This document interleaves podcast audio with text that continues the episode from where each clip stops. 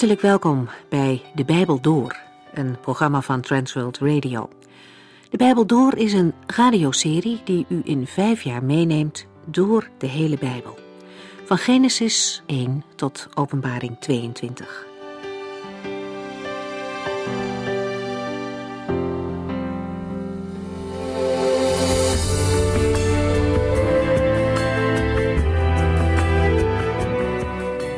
Fijn dat u weer luistert. We vervolgen vandaag deze serie over het Bijbelboek Handelingen. De vorige keer ging het over hoofdstuk 17, waarin Paulus in Athene is. En terwijl hij wacht op zijn medebroeders, ziet hij overal in de stad afgodsbeelden. En dat stoort hem. Zijn leven is zo vol van Jezus Christus dat hij er niet zomaar aan voorbij kan gaan. Het raakt hem dat deze mensen aan alle goden toegewijd zijn, maar de enige levende God niet willen kennen. Paulus was geen man die het gewoon ging vinden dat anderen maar wat anders geloofden. Het doet hem wat dat deze mensen Christus in hun leven missen. Als Paulus in gesprek raakt met de intellectuelen van de stad, dan richt hij zich tot hen in een taal die ze verstaan. Hij spreekt niet veroordelend, maar hij gebruikt hun situatie als aanleiding om over Christus te vertellen. Paulus benadert de Joden vaak met citaten uit het Oude Testament, maar dat zou bij deze Grieken niet aanslaan. En daarom spreekt hij hier over de schepping en over de maker van alle dingen. De natuur is één van de dingen waardoor mensen zouden moeten kunnen zien dat er een God moet bestaan. In de Romeinenbrief gaat hij daar verder op in. En Paulus zegt in zijn toespraak duidelijk waar hij voor staat. Hij doet geen water bij de wijn vanuit de gedachte dat hij anders misschien zijn luisteraars voor het hoofd zou kunnen stoten. Hij vertelt over Christus. En hij zegt de mensen heel direct dat ze zich moeten bekeren, omdat er een dag zal komen dat het te laat is. Een dag wanneer God de aarde zal oordelen. In onze cultuur, waarin zo weinig tolerantie is voor mensen die geloven dat Jezus Christus de enige weg naar God is, bevat dit hoofdstuk goede voorbeelden van hoe je in onze maatschappij mag getuigen. Paulus predikt gewoon verder, ook al drijven de mensen de spot met zijn gedachten over de opstanding van de doden. Na zijn stop in Athene reist Paulus door naar Korinthe. En over de ontmoetingen die hij daar heeft, lezen we vandaag.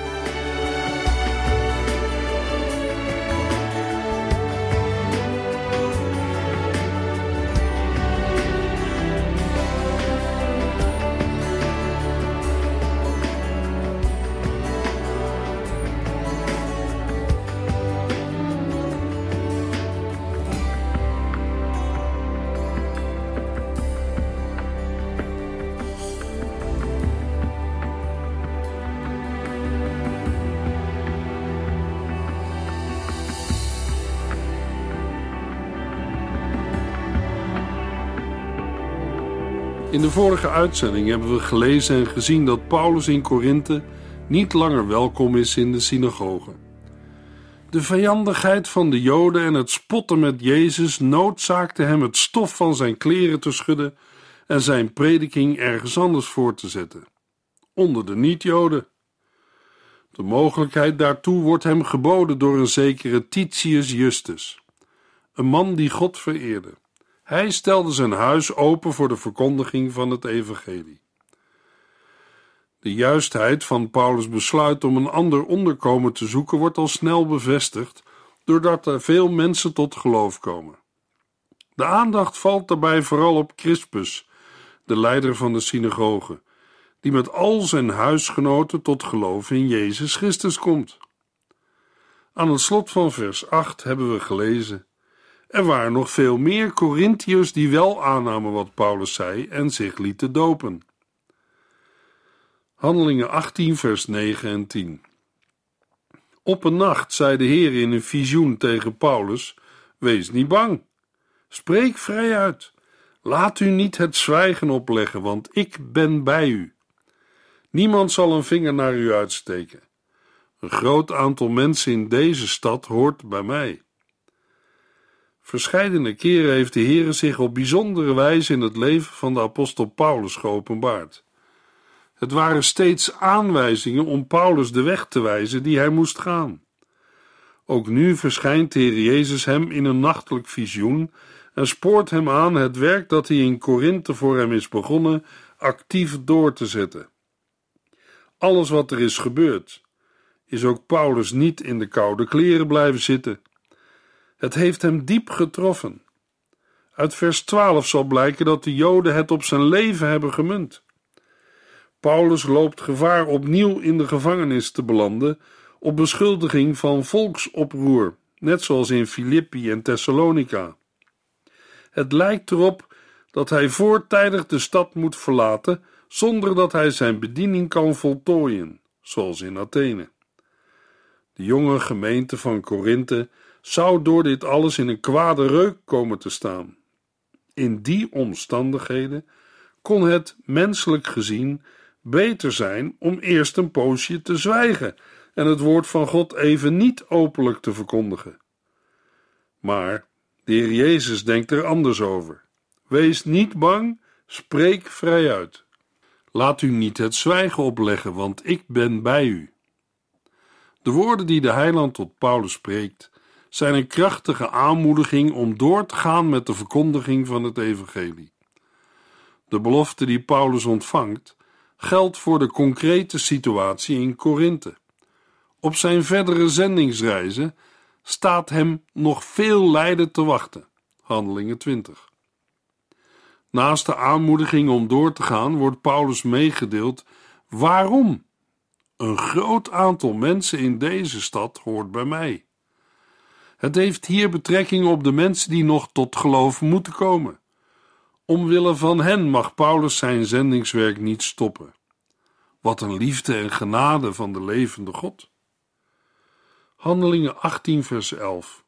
Daarom bleef Paulus nog anderhalf jaar in Korinthe en sprak er over God. Bemoedigd door de woorden van de Heere, gehoorzaamt Paulus om door te gaan met de verkondiging van het evangelie. Dat wil niet zeggen dat er geen tegenstand was. Handelingen 18, vers 12. Toen Gallio, gouverneur van Achaïe werd, spanden de Joden samen en brachten Paulus voor de rechtbank. De oppositie van de Joden bereikt een hoogtepunt als zij de kans krijgen Paulus voor de rechtbank aan te klagen. De gebeurtenissen spelen zich af onder het bewind van Gallio, de proconsul van Achaïe. Gallio was de broer van de filosoof Seneca en stond bekend als een zeer innemend persoon. Blijkbaar zien de Joden nu hun kans schoon om zich op Paulus te wreken. Ze zijn in de veronderstelling dat Gallio, omwille van de rust in zijn provincie, partij voor hen zou kiezen. Paulus wordt dan ook naar het podium gebracht waar de rechtszitting plaatsvindt. Het podium, of de bema, was een soort tribune waarop de gezagsdrager plaatsnam om recht te spreken. Bij opgraving in Korinthe is de bema teruggevonden. Handelingen 18, vers 13 tot en met 17. Zij beschuldigden hem ervan de mensen ertoe over te halen God te vereren op een manier die in strijd was met de Joodse wet. Net toen Paulus zich wilde verdedigen, nam Gallio het woord en zei tegen hen: Joden, luister. Als het hier om een misdaad of een zware overtreding ging, zou ik u natuurlijk moeten aanhoren. Maar nu het een kwestie is van woorden en namen en uw eigen Joodse wet, zoekt u het zelf maar uit. Ik ben niet van plan mij daarmee te bemoeien. Hij joeg hen de rechtszaal uit. En toen grepen zij Sosthenes, de leider van de synagoge, en gaf hem voor de ogen van Gallio een pak slaag. Maar Gallio trok zich er niets van aan. De grond voor de beschuldiging van de Joden aan het adres van Paulus ligt in de afwijzing van de wet, dat wil zeggen de besnijdenis, offers en andere cultische voorschriften, als een weg tot behoud. Telkens weer blijkt de prediking dat de mens alleen door het geloof in Jezus Christus gerechtvaardigd wordt, op grote weerstand te stuiten.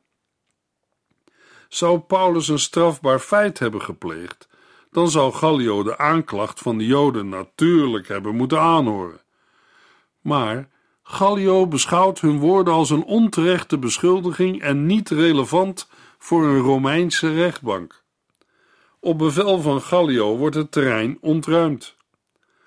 Nu de zaak wat hem betreft is afgedaan, moet de openbare orde zo spoedig mogelijk hersteld worden om verdere onlusten te voorkomen. Hij acht de hele zaak niet de moeite waard om er verder aandacht aan te besteden. Nog voordat het terrein ontruimd is, doet er zich een incident voor. De afwijzende houding van Gallio ten opzichte van de Joden wakkert de anti-Joodse gevoelens van voornamelijk niet-Joodse Corinthiërs aan. Sosthenes, de leider van de synagoge, wordt daar het slachtoffer van. Voor de ogen van Gallio wordt hij door de menigte in elkaar geslagen. Sosthenes, mogelijk de opvolger van Crispus, werd als leider van de Joodse gemeenschap verantwoordelijk gesteld voor de onrust die de Joden in Korinthe hadden veroorzaakt. In de woorden van Gallio vonden de Corinthiërs een goede aanleiding om uiting te geven aan hun haat tegenover de Joden. Dat ook Gallio in dit opzicht niet vrij uitging, blijkt wel uit zijn reactie. Hij trok zich er niets van aan. De naam Sosthenes keert terug in 1 Corinthiërs 1. Als het dezelfde persoon is, dan valt daaruit af te leiden dat Sosthenes na deze gebeurtenissen, net als Crispus, tot geloof is gekomen en zelfs een medewerker van Paulus is geworden. Dan is ook direct duidelijk waarom Lucas dit incident in zijn verslag opneemt. De gelovigen in Korinthe kennen Sosthenes. Handelingen 18, vers 18. Paulus bleef nog in de stad. Na enkele dagen nam hij afscheid van de christenen en vertrok naar Syrië. Priscilla en Aquila gingen met hem mee. Voor hij in Ken aan boord ging, liet hij zijn haar afknippen, omdat hij een plechtige belofte had afgelegd. Paulus blijft na deze gebeurtenissen nog in Korinthe. Na enkele dagen besluit hij toch de terugreis naar Syrië te aanvaarden. Hij wil in de gemeente van Antiochië verslag doen van alles wat er was gebeurd. Op het eerste deel van de reis wordt hij vergezeld door Priscilla en Aquila. In Kengreen, de haven van Korinthe, vinden ze een schip dat hen naar Efeze brengt. Voor ze aan boord gaan, liet hij zijn haar afknippen omdat hij een plechtige belofte had afgelegd. De plechtige belofte doet denken aan de Nazireeën-gelofte van nummer 6. Het gaat hier om een periode van bijzondere toewijding aan de Here, waarin een gelovige zich onthoudt van wijn en sterke drank en het haar lang laat groeien totdat de periode voorbij is. Aan het eind van die periode liet de persoon in kwestie het haar afknippen. De rabbijnse wetten schreven voor dat deze Nazireeën-gelofte in Jeruzalem moest worden afgelost. Deze informatie werpt mogelijk licht op de vraag die naar aanleiding van vers 22 gesteld kan worden: of Paulus al dan niet in Jeruzalem is geweest. Blijkbaar bleef Paulus in zijn persoonlijk leven toch waarde hechten aan de voorschriften en gebruiken van de wet, ook al verwachtte hij zijn eeuwig heil alleen van het geloof in de Heer Jezus. Ik wil geen aanmerking op Paulus maken, hem eerder verdedigen met zijn eigen woorden uit 1 Corinthians 10, vers 31 tot en met 33. Wat u ook doet, doe het tot eer van God, ook het eten en drinken. Wees geen struikelblok voor Joden, heidenen of gelovigen. Ikzelf maak het iedereen in alles naar de zin. Het gaat mij niet om mijn eigen belang, maar om het belang van heel veel mensen, want ik hoop dat ze allemaal gered zullen worden. Handelingen 18, vers 19. Toen ze in de haven van Efeze kwamen, liet hij de anderen achter en ging zelf naar de synagoge. Daar had hij lange gesprekken met de Joden. Wanneer het drietal in Efeze is gearriveerd, neemt Paulus afscheid van Priscilla en Aquila en gaat alleen verder. Ook al is hij op de terugreis, Hij laat geen gelegenheid voorbijgaan om het evangelie te verkondigen. Gewoontegetrouw gaat hij naar de synagoge om met de daar verzamelde Joden te spreken. Omdat Efeze de belangrijkste havenstad van Klein-Azië was, biedt de stad Aquila en Priscilla ruime gelegenheid om er een beroep van leerbewerker uit te oefenen. Na hun vertrek uit Korinthe hebben ze zich langere tijd in Efeze gevestigd. Voor de gelovigen in Efeze zijn zij een grote steun geweest. Later zijn ze weer teruggekeerd naar Rome, waar ze oorspronkelijk vandaan kwamen. Handelingen 18, vers 20 en 21. Die vroegen hem zelfs nog een paar dagen te blijven, maar dat wilde hij niet. Hij nam afscheid van hen met de woorden: Als God het wil, kom ik bij u terug. Hij verliet Efeze per schip. In de oudste Griekse handschriften en ook in het boek ontbreken de woorden die we wel in andere vertalingen vinden. Ik moet in elk geval het komende feest in Jeruzalem vieren. Zonder deze woorden kan de tekst probleemloos worden verklaard. Ook al wordt er dan geen reden genoemd voor de weigering van Paulus om langer in Efeze te blijven. Als deze woorden wel in de tekst horen, komt de vraag op wanneer Paulus dan in Jeruzalem is geweest. Vooral omdat een bezoek aan Jeruzalem in het vervolg niet wordt genoemd. Er wordt alleen gesproken over een bezoek aan Caesarea en Antiochië. Handelingen 18, vers 22. Na aankomst in Caesarea ging hij naar Jeruzalem en bezocht daar de christengemeente. Daarna reisde hij verder naar Antiochië. Volgens vers 18 is de eindbestemming van Paulus Syrië, Antiochië. Toch is het opmerkelijk dat hij niet in Syrië, maar in Caesarea aankomt. Dat zou te wijten kunnen zijn aan slechte weersomstandigheden, waardoor het schip gedwongen werd naar een andere haven te varen. Het is ook mogelijk dat Paulus dat met opzet heeft gedaan en hij inderdaad een bezoek aan Jeruzalem heeft gebracht, voordat hij naar Antiochië terugkeerde. Verschillende argumenten maken dit aannemelijk. Op grond daarvan mogen we aannemen dat de christengemeente die Paulus heeft bezocht, niet die van Caesarea, maar die van Jeruzalem is geweest. In de vertaling van het boek is die keuze ook gemaakt. Waarschijnlijk heeft zijn bezoek aan Jeruzalem met het inlossen van de plechtige belofte uit vers 18 te maken.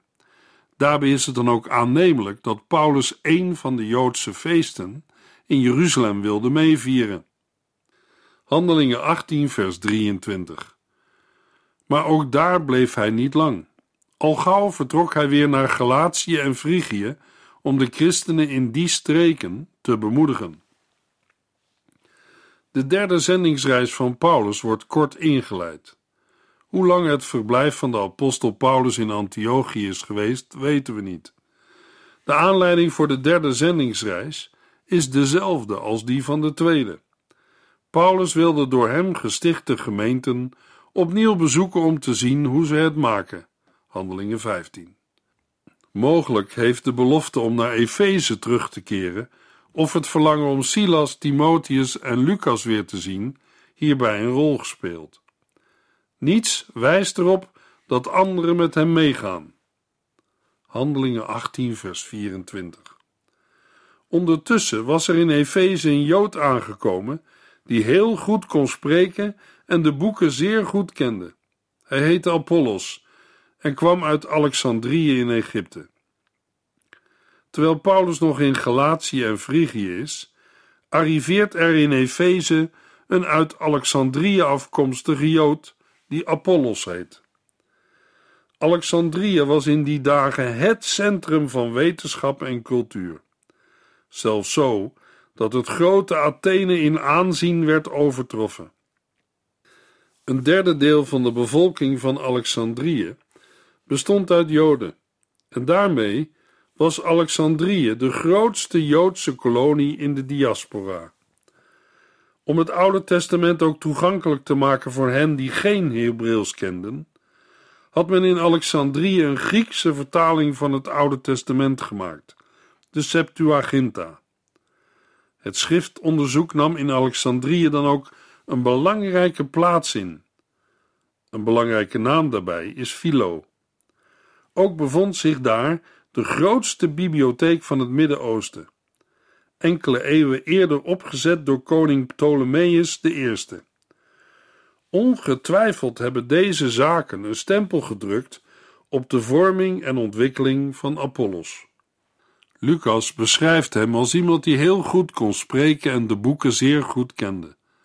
Een welbespraakte en geleerd man. Als bijzondere eigenschap wordt van hem genoemd dat hij de boeken zeer goed kende. Dat zijn de boeken van het Oude Testament. Het grote centrum van de vroege kerk verplaatste zich van Jeruzalem via Antiochië naar Alexandrië. In de eerste eeuwen van de vroege kerkgeschiedenis bleef Alexandrië belangrijk. Drie vooraanstaande kerkvaders, Athanasius, Tertullianus en Augustinus, kwamen er vandaan. De eerder genoemde Philo is een tijdgenoot van Apollos. Hij vermengde de Griekse filosofie met het Judaïsme. Kennelijk was Apollos daardoor beïnvloed.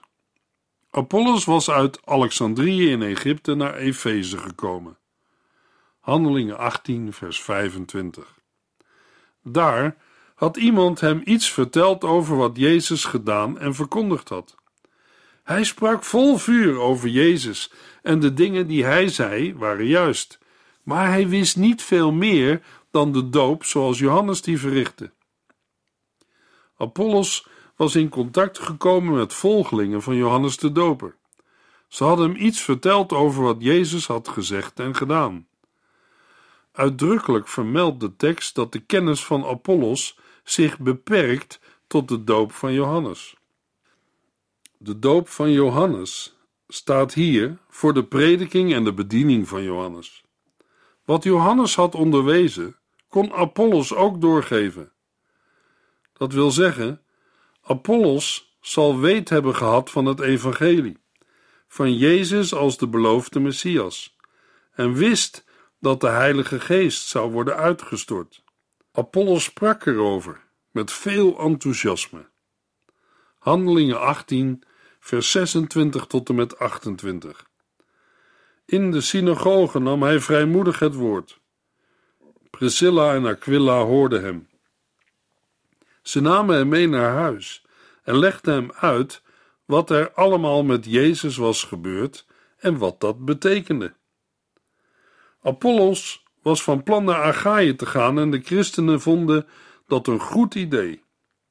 Ze schreven aan hun geloofsgenoten dat ze hem hartelijk moesten ontvangen. Nadat hij in Achaïe was aangekomen, werd hij op een geweldige wijze door God gebruikt om de christenen daar te ondersteunen. Krachtig weerlegde hij de Joden in het openbaar.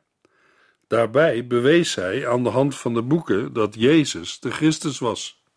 Toen Priscilla en Aquila Apollos in een synagoge over het evangelie hoorden, ontdekten zij dat er wezenlijke dingen in zijn prediking ontbraken.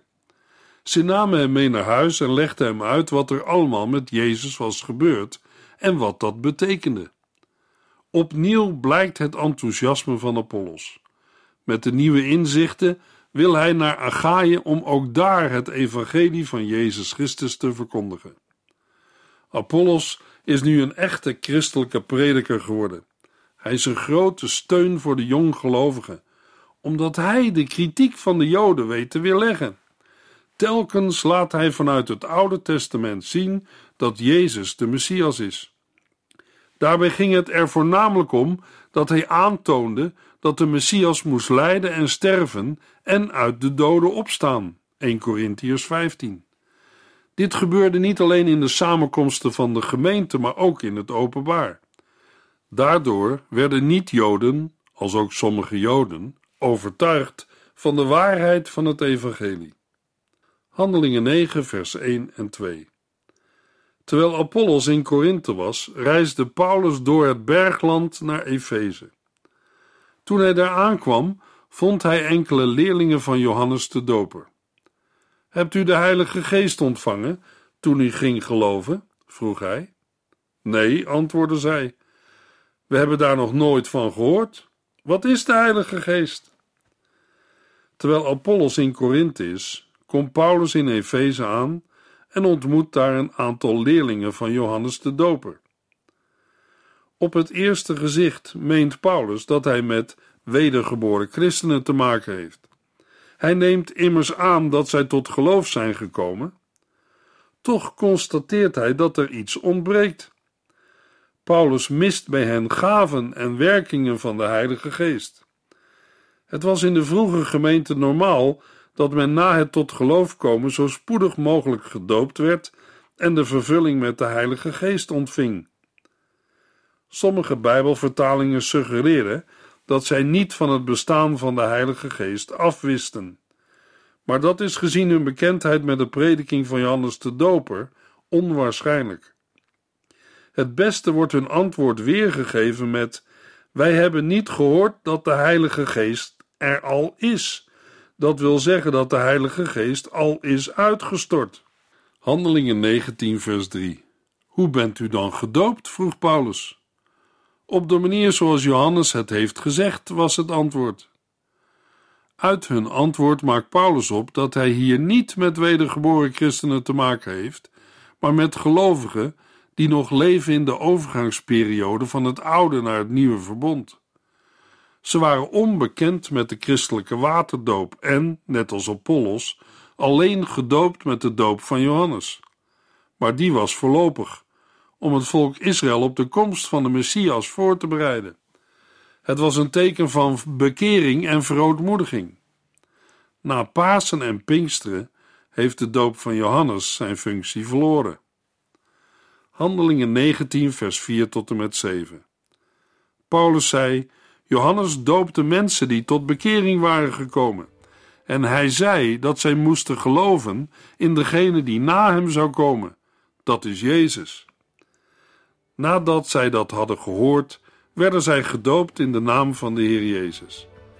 Toen Paulus zijn handen op hen legde, kwam de Heilige Geest over hen. Ze spraken in vreemde talen en gaven woorden van God door. Ze waren met ongeveer twaalf personen. Lucas sluit in vers 7 af met het noemen van het aantal personen dat hierbij betrokken was.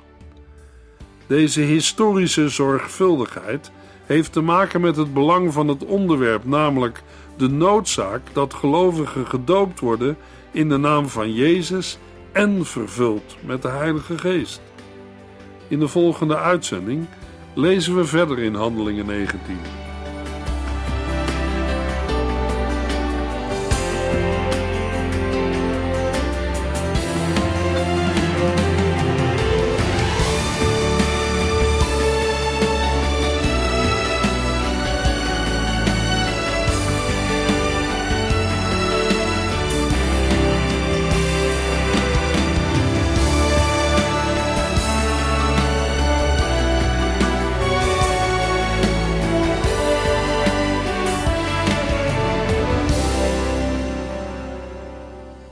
Geluisterd naar De Bijbel Door. In het Nederlands vertaald en bewerkt door Transworld Radio. Een programma waarin we in vijf jaar tijd de hele Bijbel doorgaan. Als u wilt reageren op deze uitzending of u heeft vragen, dan kunt u contact met ons opnemen. Tijdens kantooruren kunt u bellen op 0342 47 8432. 0342 47 8432. 32. Ook kunt u een e-mail sturen naar de Bijbel door transworldradio.nl en natuurlijk kunt u ook via de post ons bereiken. TWR, postbus 371, postcode 3770, AJ in Barneveld. Dit programma werd gepresenteerd door Cor Weda en Ike André. Techniek was in handen van Odin van Woerdekom. En wij allemaal bedanken u voor het luisteren. Graag tot de volgende keer.